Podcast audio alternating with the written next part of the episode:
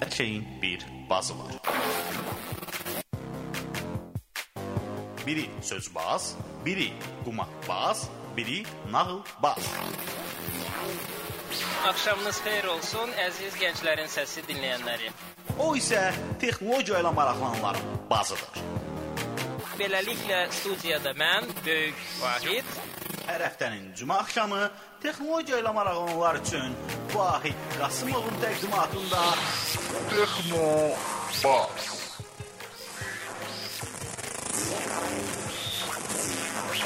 Texnologiya ilə bağlı hər şey. Texnobazda. Salam, hər vaxtınız xeyir olsun. Əziz Gənclərin Səsi radiosunun dinləyiciləri. Ə, Hər cümə axşamını ə, bizimlə keçirirsinizsə, biz növbəti dəfə sizinləyik. Gənclərin Səsi Onlar radiosunun efirində canlı olaraq yayımlanan Texnobaz hər 4-cü gün olduğu kimi bu gün də Balaca ola bilsin ki, gecikməklə yenə də efirdədir. Bizi canlı efirdə dinləyənləri salamlayıram. Texnobazı ilk dəfə dinləyənlərin nəzərinə isə çatdırmaq istəyirəm ki, Gənclərin Səsi Onlayn radiosunun efirindəki Texnobaz verilişi, texnologiya marağı olan gənclərə ümum dünya texnologiya xəbərləri, yerli texnologiya yenilikləri və milli texnologiya həyatı haqqında bir-birindən maraqlı qonaqlarla müxtəlif mövzularda canlı olaraq ə, gedən verilişdir. Biz bilirsiniz ki, keçən həftə də elan etmişik ki, bizim olduqca bu ə, dekabr ayı ə, informasiya texnologiyaları ə, baxımından çox ə, belə deyək də qaynayan, qaynar bir aydır. Çünki həm Bakutel, həm internet idarəçiliyi konfransı, həm qabaqdan gələn Millinet yarışması, həm ə, informasiya təhlükəsizliyi konfransı və s. bir sürü bizim ə, deməli ə, müxtəlif mühüm hadisələrimiz var idi, hansılar ki Azərbaycan üçün ə, kifayət qədər əhəmiyyətlidir və ona görə də məhz bu tədbirlərlə əlaqədar məşğul olan insanları biz ə, çox istəsək də studiyaya qonaq olaraq dəvət eləyə bilmədik. Onlar bizə söz versələr də sözün üstündə durmadı. Ona görə biz bunları ə, onlayn da olsa canlı efirdən qınayırıq.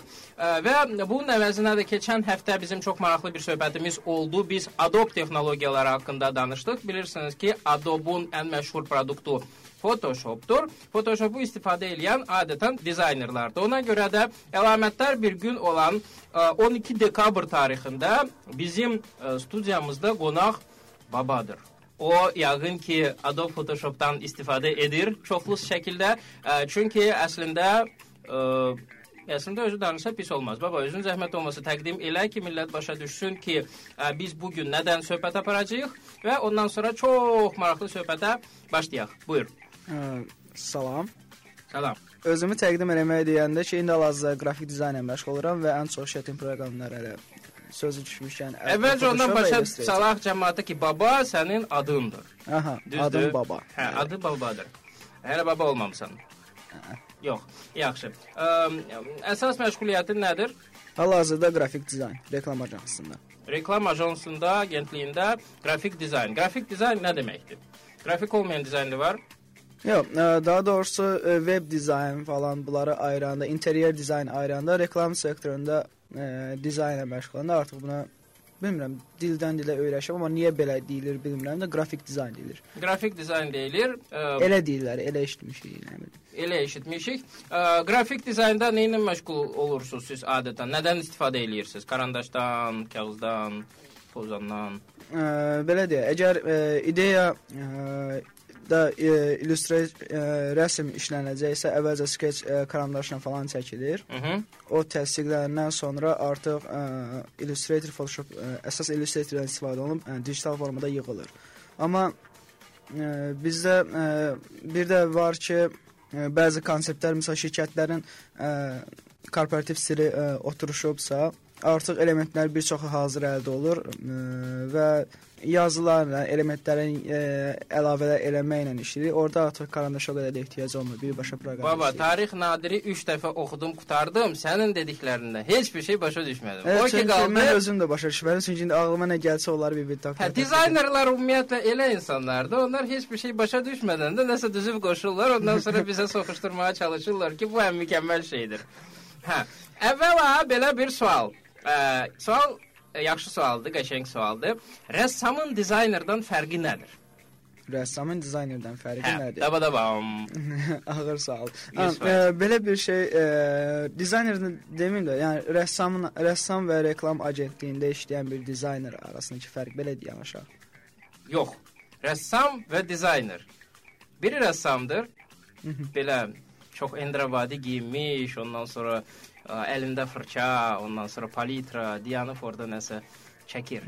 Biri də dizayner, hansı ki oturur kompüterin arxasında, bir əlində mouse, o bir əlində qəhvə fincanı və ə, nəsə dizayn eləyir. Bunların fərqi nədən ibarətdir? E, bunların fərqi mən Əslində e, çox gözəl tərifi var hər ikisinin də və gözəl bir e, fərqi var əslində. Onu mən daha sonra söyləyəcəm. Əvvəlcə sənin Mən fikirlərini. təcrübədən Aha. gördüyüm fərqləri deyim də. Yep. Məsəl üçün mənim ə, bir çox rəssam dostlarım var ki, onlar heç vaxt dizayna yanaşmırlar. Hı -hı. Amma bəzi ə, heykəltaraş ə, rəssam dostlarım da var yəni onlar ə, reklam aja- ə, sahəsində dizayn olaraq işləyirlər və çox yaxşı işlər qoyurlar ortaya. Amma ə, bunlar ə, zamanla formalaşırlar. Təzəlikcə məsələn rəssam akademiyasını bitirmiş, amma ə, artla xeyli məşğul olmuş, reklam sahəsində təzə gələn adamların bəzi ə, o fərqləri onlarda hiss eləmək olur.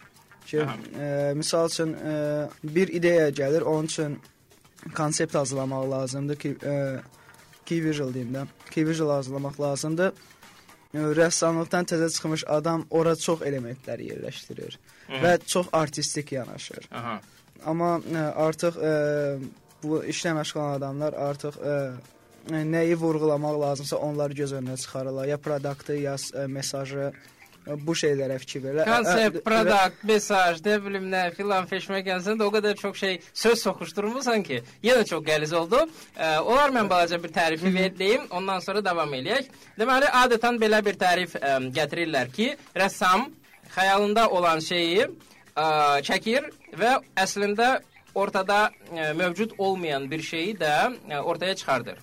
Dizayner isə heç vaxtı xəyalla zadla oynayıb eləmir. Onun qabağında konkret şeylər olur. Məsəl üçün bu interyer dizaynıdırsa, onun əlində nə var? Otaq var, stol var, stul var və s. və axır. Onları müəyyən şəkildə komponovka eləyir və hazır elementlərdən ə, ən rahat, ən ə, belə deyək, bir-birinə uyğun şeylər ortaya çıxardır.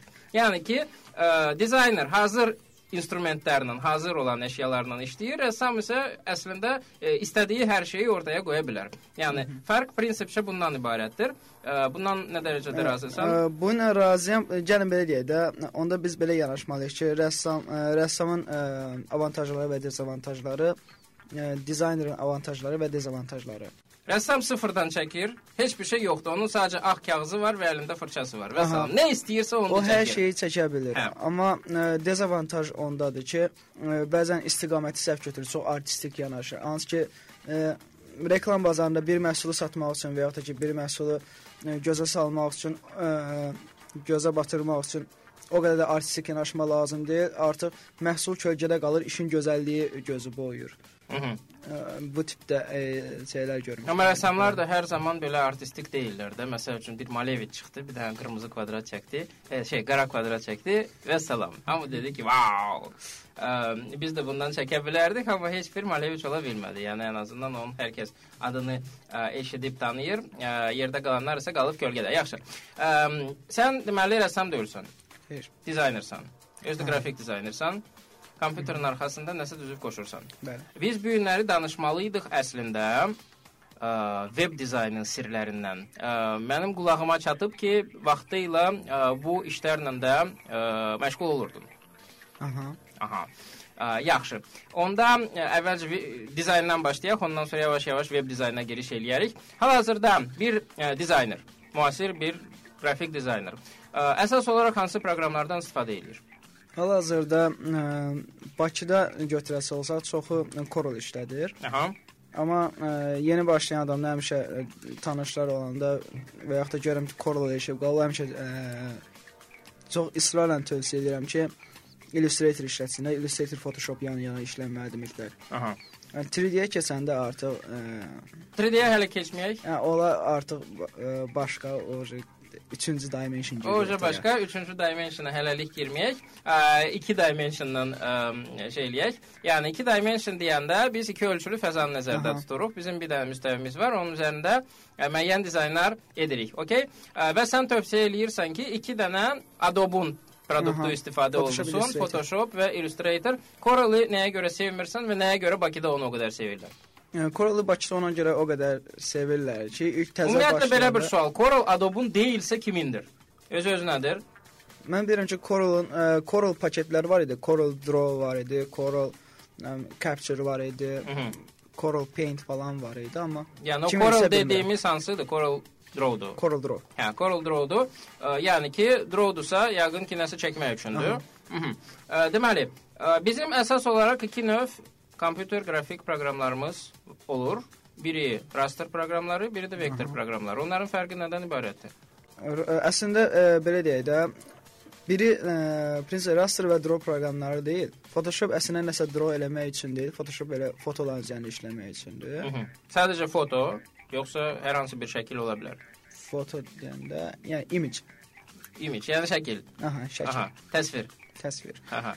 Illustrator amma ə, sıfırdan nəsə çəkmək üçün daha rahatdır. Və sıfırdan çəkəndə artıq ə, bunu vektor saxlamaq daha məntiqlidir, nəinki yəni rəsm olaraq almaq. Onsuz zaten sıfırdan çəkir və hər şeyi saxlaya bilər vektor. Corel-da da eyni şəkildə sıfırdan çəkmək daha rahatdır.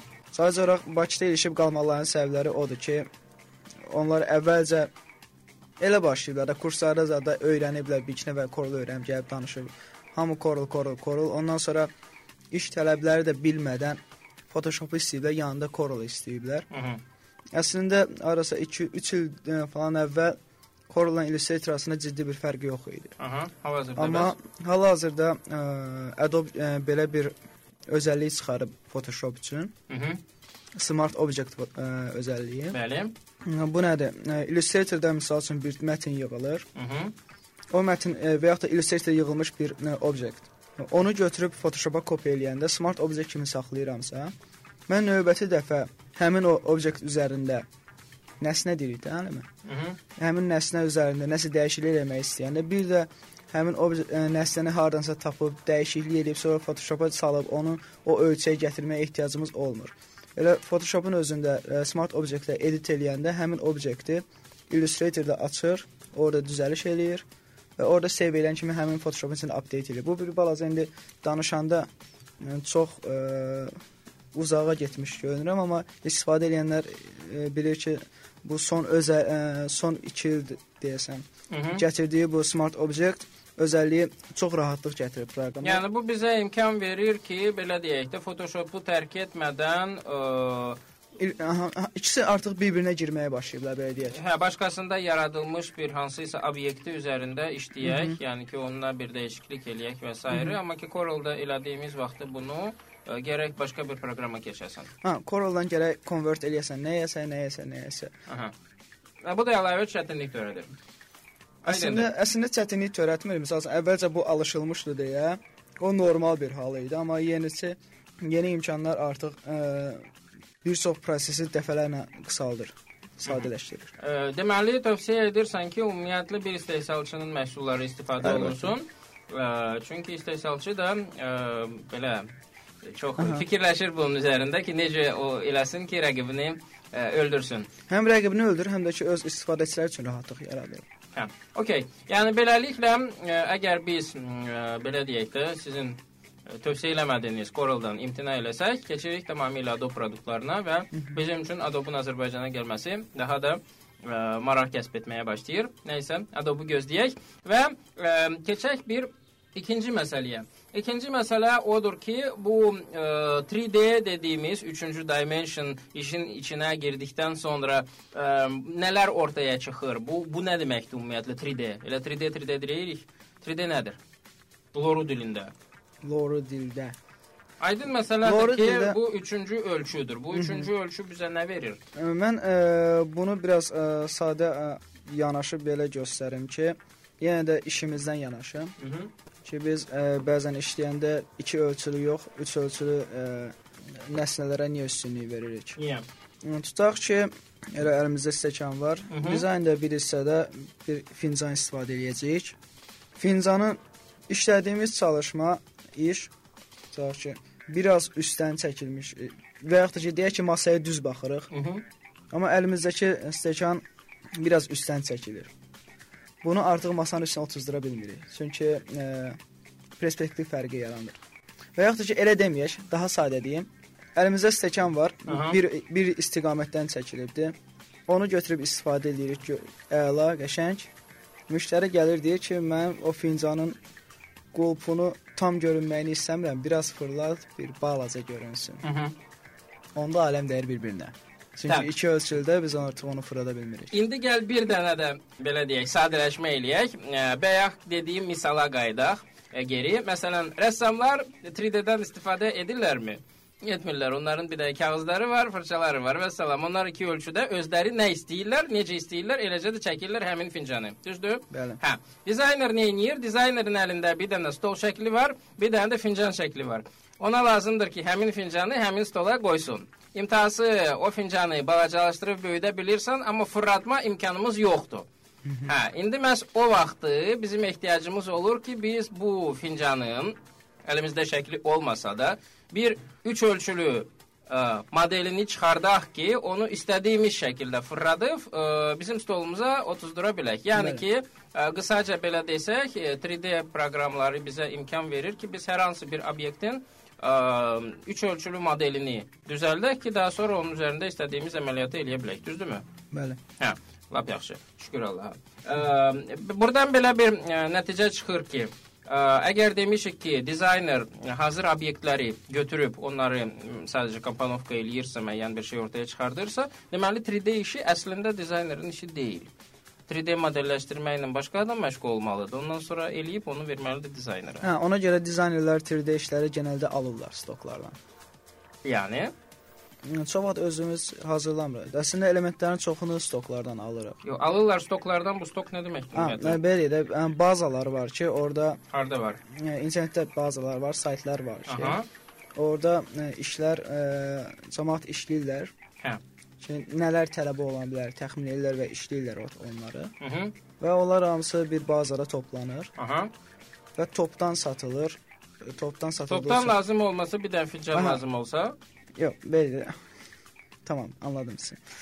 yo, əsas odur ki, millət səni anlasın. Mən anlamadım. bildim, bildim. Ya onu anladım ki, yəni daha aydın danışmalıyam. Hə, 100%. Okay. Orada şəkillər satılır. 3D var, fotolar var, ə, Mhm. vektor ə, şəkilləri var. Biz o, oradan seçə bilirik, hansını istəyirik, alırıq və istifadə edirik. Bu hər iki tərəfə sərf eləyir. Mhm. Məsəl üçün mən bir rəssama bir fincan çəkdirmək istəsəm Aha. və yaxud da ki bir model çəkdirmək istəsəm, o məndən bir qəşəng bir pul istəyəcək. 100%. Amma ə, nə mənim o, o qədər pul verməyə ə, büdcəm çatmaya bilər, Aha. nə də ki o ucuz qiymətə işləmək istəməyə bilər. Əlbəttə ki. Bu daha da sadələşir. Mhm. O qoyur ə, işini sayta Qoydu. və oradan həmin işi 10 nəfər ala bilir. Aha. Misal yəni üçün- ki, qiymət 10 dəfə düşür aşağı. Bəli. Yəni onda bir Hətta, qiymətə hətta daha, alırsınız bir hətta dənə daha baha sata bilir o. Aha. Və mən də artıq ə, normal bir sifarişdən 10 qat daha ucuza ala bilirəm. Hı, lap yaxşı. Oradan modeli götürürsüz, ondan sonra nə edirsiniz onu? Lazım olduğu kimi fırladırsınız. Aha. Üstündə mən istəsəm ki, mənim şəklim olsun, adım olsun. Onu Onları əlavə edirik. və qoyursunuz stolun üstünə. Və müştəri tam istədiyi bir şeyi əldə etmiş olur. Çox gözəl. 3D-ni də başa düşdük. O da bu formada getdi. Keçdik bir sonraki məsələyə. Deməli, bir dizayner əslində 3D-ni ə, tamamilə bilməsə olarmı, yoxsa ən azından tutalım ki, sən saytdan modelin almısan hər hansı bir formatda. Onu istədiyin şəkildə çevirmək üçün yenə də bu proqramı bilmək lazımdırmı? Onun heç olmasa hansı elementləri bilmək lazımdırmı? Yox, ə, modeli alıb artıq işləmək ə, üzərində işləmək üçün çox da ə, ümumiyyətlə 3D proqramda işləmək bilmək ə, ə, ehtiyac qalmır. Bir ara bəlkə ehtiyac var idi, artıq Photoshopun son versiyalarında 3D ə, obyektləri fırlatmaq, üzərinə tekstura qoymaq mümkündür. Aha. Üzərində dəyişli, ə, xırda dəyişikliklər eləmək mümkündür. Ona görə artıq ehtiyac qalmır. Amma bir Yəni birbaşa dizaynerin 3D obyektini Photoshop-a atmaq mümkündür. Bəli, bəli. Və orada mümkün. fırlatmaq mümkündür. Aha. Yəni e, belə deyə, belə deyək də yanlış anlaşılmaması üçün. Hə. Əgər 3D e, bilmirəmsə, Mhm. 3D proqramlarını işləyə bilmirəmsə, yenə də 3D modeli alıb öz işimə əlavə edib orada istədiyim e, kimi fırladıb, istədiyim ölçüdə gətirib istədiyim perspektivdən baxıb yerləşdirə bilirəm. Yəni onun üçün Photoshop-u bilmək kifayətdir. Aha. Aha, super Amma mükəmməl. ikinci tərəfdən baxanda dizayner olmaq üçün bu tələbdirmi? Belə bir şey var. Şey, yəni bilməyin ziyanı yoxdur. Aha, təbii ki, əlbəttə nə qədər çox bilsən, bir o qədər yaxşıdır. Ə, Keçən dəfə ə, belə bir ə, mövzu da müzakirə etmişdik ki, bu Adobe-un produktların lisenziyası məsələsi və aydınlaşdırdıq ki, əslində Adobe hal-hazırda yeni bir ə, üsula keçdi. Hal-hazırda bir dənə məhsulun lisenziyası şəklində yox, ə, aylıq müəyyən bir arenda ödəyirsən, icarə haqqı ödəyirsən və bunun müqabilində neçə onlarla Adobe produktundan istifadə etmə hüququ ə, sənə ə, verilir. Ə, bu 3D proqramları haqqında ümumiyyətlə ən məşhur 3D proqram hansıdır? E, Eşitdiyimiz e, 3D Max-dır. 3D Studio Max. Onun lisenziyası məsələsi Maraqlanmamışam. Maraqlanmamısan çünki Azərbaycanda ümumiyyətlə ehtiyac yoxdur ona. Yəni Azərbaycanda yaşamağın bir dənə üstünlüyü varsa bəlkə də odur. Aha. Ə, lap yaxşı. Maraqlanmama üstünlüyü yoxsa Yox, ümumiyyətlə lisenziya ehtiyacı olmaması. lisenziyalara ehtiyacın olmaması. Ə, lap yaxşı.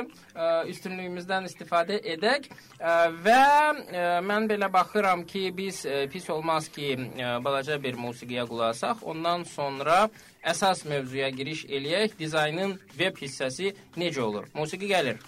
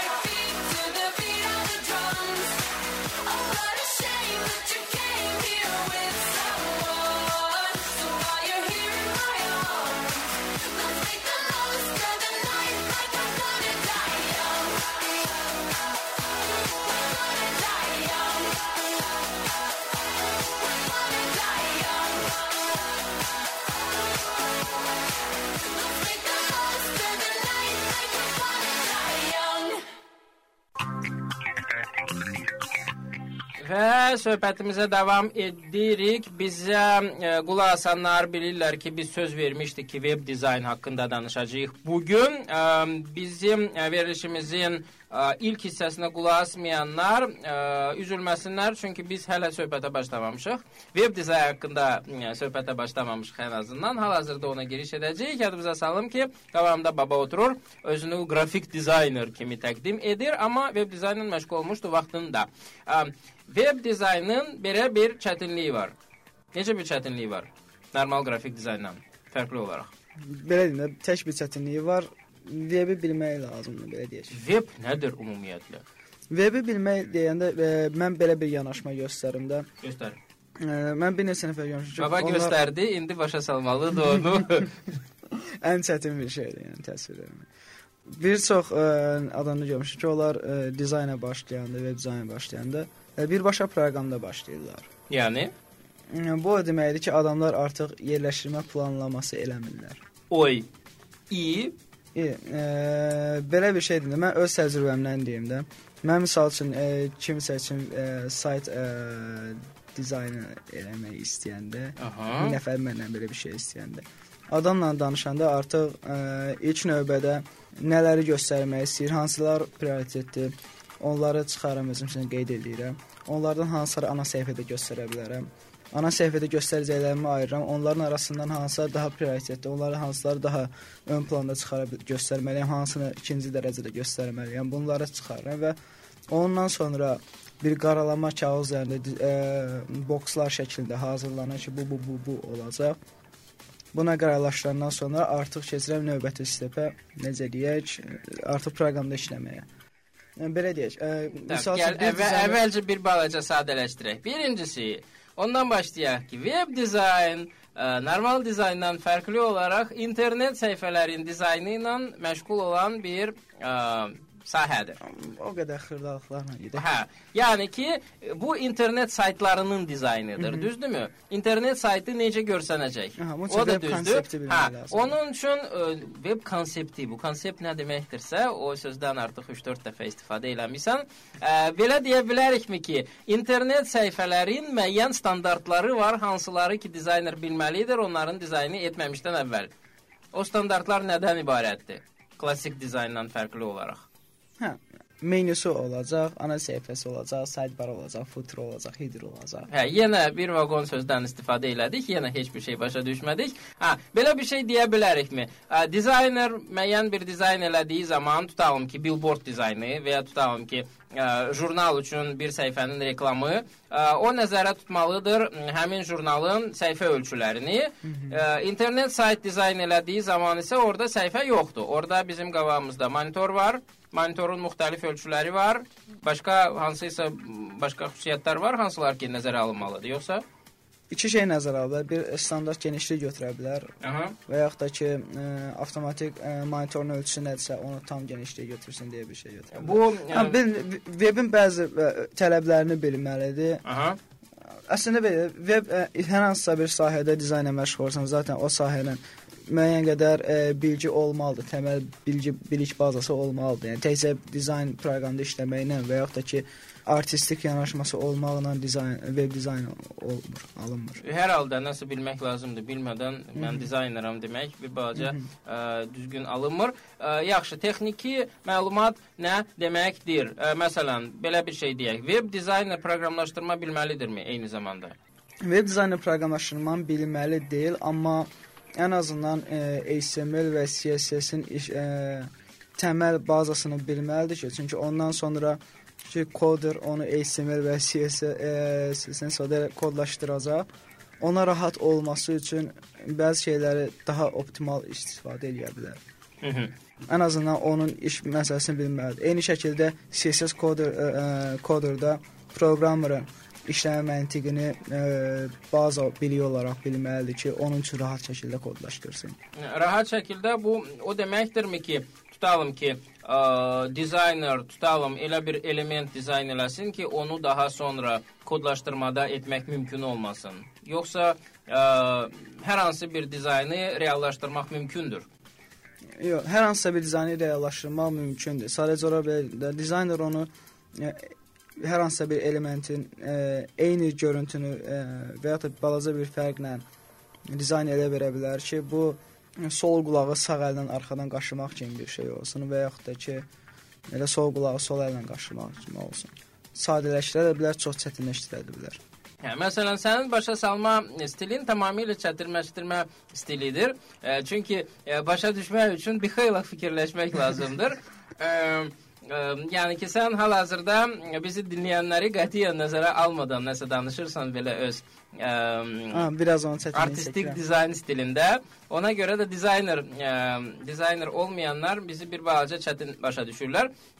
No, e, yenə də e, qayıtsaq bizim mövzuya. E, web dizayner deməli normal qrafik dizaynerdən fərqli olaraq eyni zamanda webin müəyyən xüsusiyyətlərini bilməlidir. Hətta və hətta müəyyən texnologiyalardan başa çıxmalıdır ki, bunu etmək mümkündür, mümkün deyil. Məsəl üçün bu yaxınlarda maraqlı bir şey gördüm. Ə, YouTube-a daxil olduğun zaman orada loqonun yanında bir balaca nə bilim o dələdir yoxsa nə, nə heyvanıdırsa onun üstünə gəldiyi zaman ora bura oynayır. Məsəl üçün bu ə, animasiya hissələrini bunu eləyən kimlərdir? Dizaynerlardır, yoxsa web proqramçılardır, yoxsa nətər eləyirlər onu ümumiyyətlə? Yəni animasiya effektlərini düşünən kimdir web səhifələrinin hazırlanma mərhələsində? Dizayner yoxsa başqa bir adamdırmı? Yox, əslində ə, buna bir komanda olaraq baxası olsa, Aha. Baxaq. kreativ komandanın ə, pilləri ən üstdə dayanır. Onları rəhbərlik edən kreativ direktor. Tutalım. Kreativ komanda Sonra creative director köməkçisi, ondan sonra creative director müavini, creative olmalıdır director çünki o ən azından kreativ direktor olmalı ki, o ideyalar içindən ə, birini seçsin, bir istiqamət seçsin və desin ki, qardaşlar, Yəni direktordan başqa işləyən yoxdur saytın üstündə. Saytın üstündə bir nəfərdən başqa işlən yox deyirsiniz. Hə də, yəni direktorun adını çəkdin, yerdə qalanlar gəlmədi. Ha, ə, yerdə qalanlar ə, pillələr bölsək art direktor gəlir. Bir O da direktordur, bir də direktor daha. Başqa direktor olmayan işçilər, ə, bir də ki, dizaynerlər. bəs proqram proqramlaşdırma direktoru yoxdur. Software direktor. Mən reklam ajansındakı ə, stepləri deyirəm. Aha. Yaxşı. Ə, və bir də dizaynerlar. Ə, bir dənə saytın dizaynını neçə dizayner eləyir adətən? Məncə bizdə ə, bəzi ajanslarda görmüşəm ki, həm saytın dizaynında, həm ə, qrafik dizaynda hamısını e, çox vaxt tək bir bir adamdan çıxır, bir bir əldən çıxır bu işlərin hamısı. Hə, və direktor, direktor da olmur. Bəs yaxşı, dizaynerimiz dizaynı elədikdən sonra o dizaynı kim götürür və ondan sonra nə edir? Ha, bu biraz ə, çətin mərhələdir. Çünki bəzən əgər dizaynerin bu texnoloji tələblərdən ə, bilgisi yoxsa, hərdən elə bir şey fikirləşir ki, bunu həyata keçirəcək adam qalır partiya partiya. Şey mən bunu nətər eləyim? Və Ə, Onda e, bir müddət e, müzakirə edirlər, çığır, bağır, eləmə həyata keçirmək istəyirlər. Sonra görülür ki, alınmır. Ondan sonra proqrammerlardan soruş, proqrammerdan soruşurlar ki, yaxşı, və sənin e, limitin hara qədərdir? Nələr edə bilərsən, nələr edə bilməzsən? O deyəndən sonra onun limitinə uyğun öz ideyalarını dəyişirlər. Bəs ümumiyyətlə bu nəzəri olaraq necə olmalıdır? Praktikanı Nəzərə başa olma, olaraq əgər ə, dizaynerin bunları bilməyə şərt ə, o qədər də şərt deyil, amma şərt odur ki, bir ideyanı işləməzdən qabaq proqrammer da çağırmalıdırlar. Aha. İdeyanı ə, görsel hala gətirmədən əvvəl, ə, qrafik hala gətirmədən əvvəl ən azından ə, proqrammerlə məsləhətləşmək lazım ki, biz belə bir şey fikirləşirik. Mhm. Bunu Bu etmək olar, olar. mümkündürmü? İkinci məsələ bir də ə, başqa bir şey deyim. Tutaq ki, flash animasiya. Mən əgər flash animasiyanı bilmirəmsə, Mhm. bu başınıza gələ bilər. Mən məsəl üçün ə, flash animation o qədər də bilmirəm. Okay. İşləmirəm onu. Mhm. Biz ə, flash panel yığmaq lazım olur. Mən PSD-ni vermişəm və ə, təxmini ideya necə olsun deyə Mhm. 4-5 ə, frame hazırlamışam. Aha. Onları vermişəm ki, bu bu bu şəkildə ardıcıllıq gələcək. Və işləyən adam bunun üzərindən ə, bəzi keçidlərə tamam başqa effektlər əlavə eləyib və iş daha da gözəlləşir. Bizim təsvirimizdən daha da gözəlləşir. Nə gözəl. Bunu demək istəyirəm ki, mən ə, o proqramı bilmirəm deyə. Mən ə, bu işə biraz kör baxıram. Ə, bulanıq görürəm. Tam bilmirəm ki, bundan nələr eləmək olar. Hətta ola bilər ki, mənim ağlıma gəlməyən bir şeyi ə, proqrammer mənə təklif eləsin ki, Mhm. Ə, Bəlkə buna bunu da eləyək. Ona görə istənilən halda ideyanın ə, o yaranma mərhələsində kimlə işləyəcəksənsə, onu başda məsləhətləşmək lazımdır. Ola bilər ki, dediyim kimi, ə, bəzi animasiya ə, effektlərini heç adamın ağlına gəlməz. Özü işləmir deyə te ə, texniki tələblərdən xəbəri yoxdur. Proqrammer ancaq ə, daha sonra dizayner ə, nə va- hansı ideyanı verə bilər, hansısa saytda gördüyü ideyaları ə, ə, oğurlayıb verə bilər. Mən belə bir saytda görmüşəm, mən də istəyirəm belə bir şey olsun. Proqramın imkanlarından xəbəri yoxdursa, həmin texniki ə, tələblərdən xəbəri yoxdursa, və yaxud imkanlardan xəbəri yoxdursa, yeni Amma bir şey nəzəri bilməz. olaraq əgər bu adam web dizaynla məşğuldursa, yəni xəbəri olmalıdır da, ən azından sahəni bilməlidir. Nələr etmək mümkündür, nələr etmək mümkün deyil. Aha. Hətta yəni ki, necə etmək mümkün olduğunu Amma da yox, belə deyək də, məsəl üçün web dizaynerdə amma ə, orada bir ə, əlavə bir flash ə, animasiya da olacaqsa onun Hı -hı. içində. O bəzi imkanları bilmək üçün artıq o olmur da, yəni webi bilməklə onu bilmək olmur. Gərək flaşı biləsən ki, orada nələr eləyə bilərsən, Əslində hara qədər ehtiyac qalxa bilərsən. yoxdur, çünki hal-hazırda onu da keçən həftə müzakirə eləmişdik. Yəni Flash-in əvəzinə hal-hazırda CSS3 və HTML5 ə, texnologiyaları gəlib. Yəni bir çox animasiyaları ümumiyyətlə Flash-dan istifadə etmədən də etmək mümkündür. Bir çoxunu, amma ə, yox, hal-hazırda gəlin belə ə, yanaşaq da. Yanaşaq. Bir proqramın əvəzləyicisi gəlirsə, Aha. bu o deməkdir ki, onun tələblərinin bəzilərini qarşılamaq üçün gəlir. Bəli. Ola bilsin ki, Yeni yeni, bir- funksiyalar da əlavə eləyir. Çünki hər sonrakı bir əvvəlkindən daha yaxşıdır Amma adətən. onun elədiyin hamısını eləyə bilir deyə bir şey yoxdur. Bəlkə o da var, ola bilsin. Yox, hala, yəni bir müddətdən sonra artıq onu keçəm, keçmə mərhələsində olar ki, onun tələblərinin hamısını eləsin və yeni əlavə eləsin, amma hələ, hələ ki təzə-təzə gəlirsə hamısını elə, eləmir yəni. Ola bilər, ola bilər, olmaya da bilər. Yəni ki, mən burada müzakirə ə, aparmayacağam bu mövzuda. Fəqət demək istədiyim odur ki, ə, belə deyək, dizaynerin dərdi texnologiyanı fikirləşmək deyil. Əslində o sadəcə hadisəni fikirləşsə ki, nə olmalıdır və Aha. nə şəkildə bu həyata keçməlidir, ə, onu fikirləşsə kifayətdir. Prosesi fikirləşsə. Aha. Ondan Və- sonra texnologiya məsələsi isə proqramçının işidir. Sadəcə dediyim o idi ki, o fikirləşmə mərhələsində məsləhətləşmək lazımdır ki, ə, sonra çıxılmaz yola girməsinə və yaxud da ki, daha gözəl şeylər yarada bilərlər məsləhətləşsələr. Bir dənə də sualım var. Əslində hal-hazırda müşahidə edirik ki, çoxlu vaxtı belə bir şey olur ki, bəzi saytlar var, hansılarda ki, hazır sayt dizaynları ya təqdim olunur pulsuz tamamilə, ya da ki, ə, çox cüzi bir qiymətə təklif olunur. Ə, bu dəqiqə ə, belə deyək də web dizayner olmanın ümumiyyətlə bir mənası varmı? Yoxsa həmin sayta girib oradan ə, bəyəndiyin dizaynı seçib bir balaca özünü gözünü ə, dəyişdirib özünə uyğunlaşdırmaq daha mı ə, məqsədə uyğundur? Yəni ki, sənin şəxsi fikrin nədir bu sahədə? Ə, Verin, bəzi ə, məsələlərdə təməl biliklər, ə, teorik biliklər deyirik də. Bunlar lazımdır. Çünki ə, düzdür, ə, yenə də stoklara gedib oradan ə, dizaynları alıb üzərində bəzi dəyişikliklər eləyib bunu ə, tətbiq eləyə bilərik.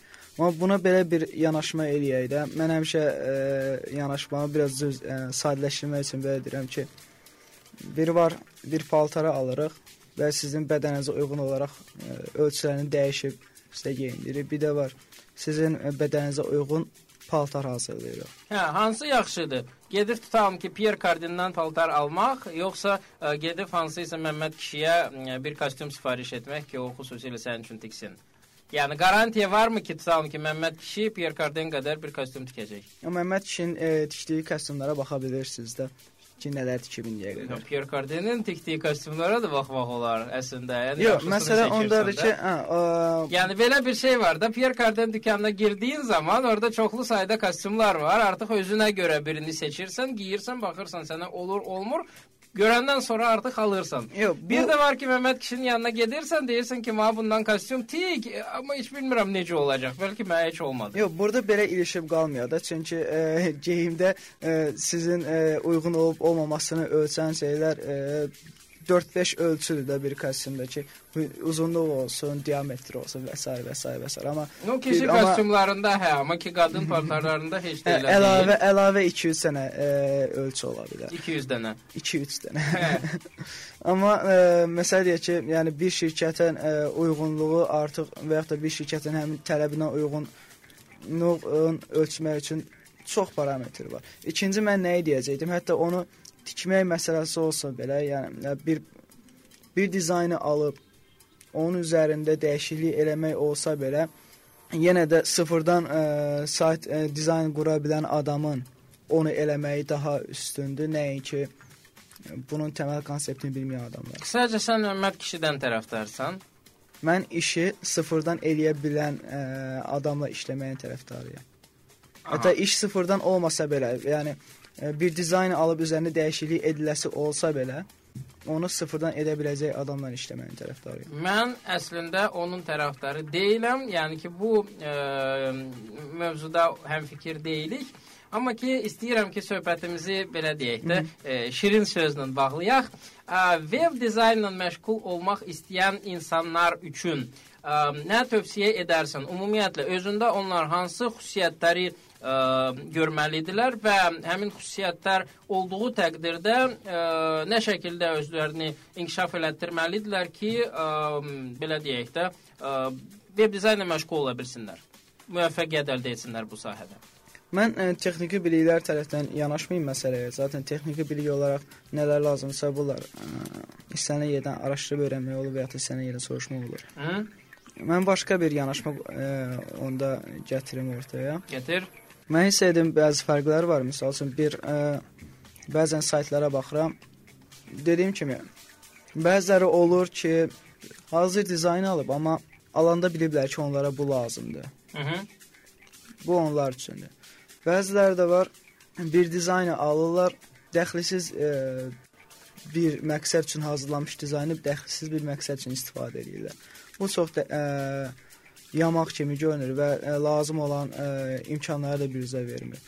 İm, lazım olan informasiyanı gözə e, diqqətə çatdırmır. Hı -hı. Bunun üçün Dizayner birinci növbədə birinci növbədə həmişə deyirəm, qrafik dizayner olsun, web e, dizayner olsun, nə nə nə nə nə nəzərə Bunların- almalıdır ki, Nəzərə almalıdırlar ki, bunlar reklam bazarı üçün işləyirlər və bunların təməl, ən azı təməl marketinq bilikləri olmalıdır. Hə, marketinq, ondan sonra məqsədləri aydın olmalıdır ki, nə eləyirlər, nə üçün eləyirlər, necə maksimum dərəcədə rahat eləmək. Bunu əgər insan edə bilirsə və edə biləcəyini ən azından ə, hiss nə deyə bilərik? Deyə bilərik ki, uğurlu o olsun. uğurlu, hə, dizayner ola bilər. Həqiqətən də uğurlu olsun. Kim istəyirsə bu sahəyə buyursun. Biz isə vidalaşmaq istəyirik çünki proqramımızın vaxtı sona çatdı. Görüşmək ümidi ilə. Sağ olun.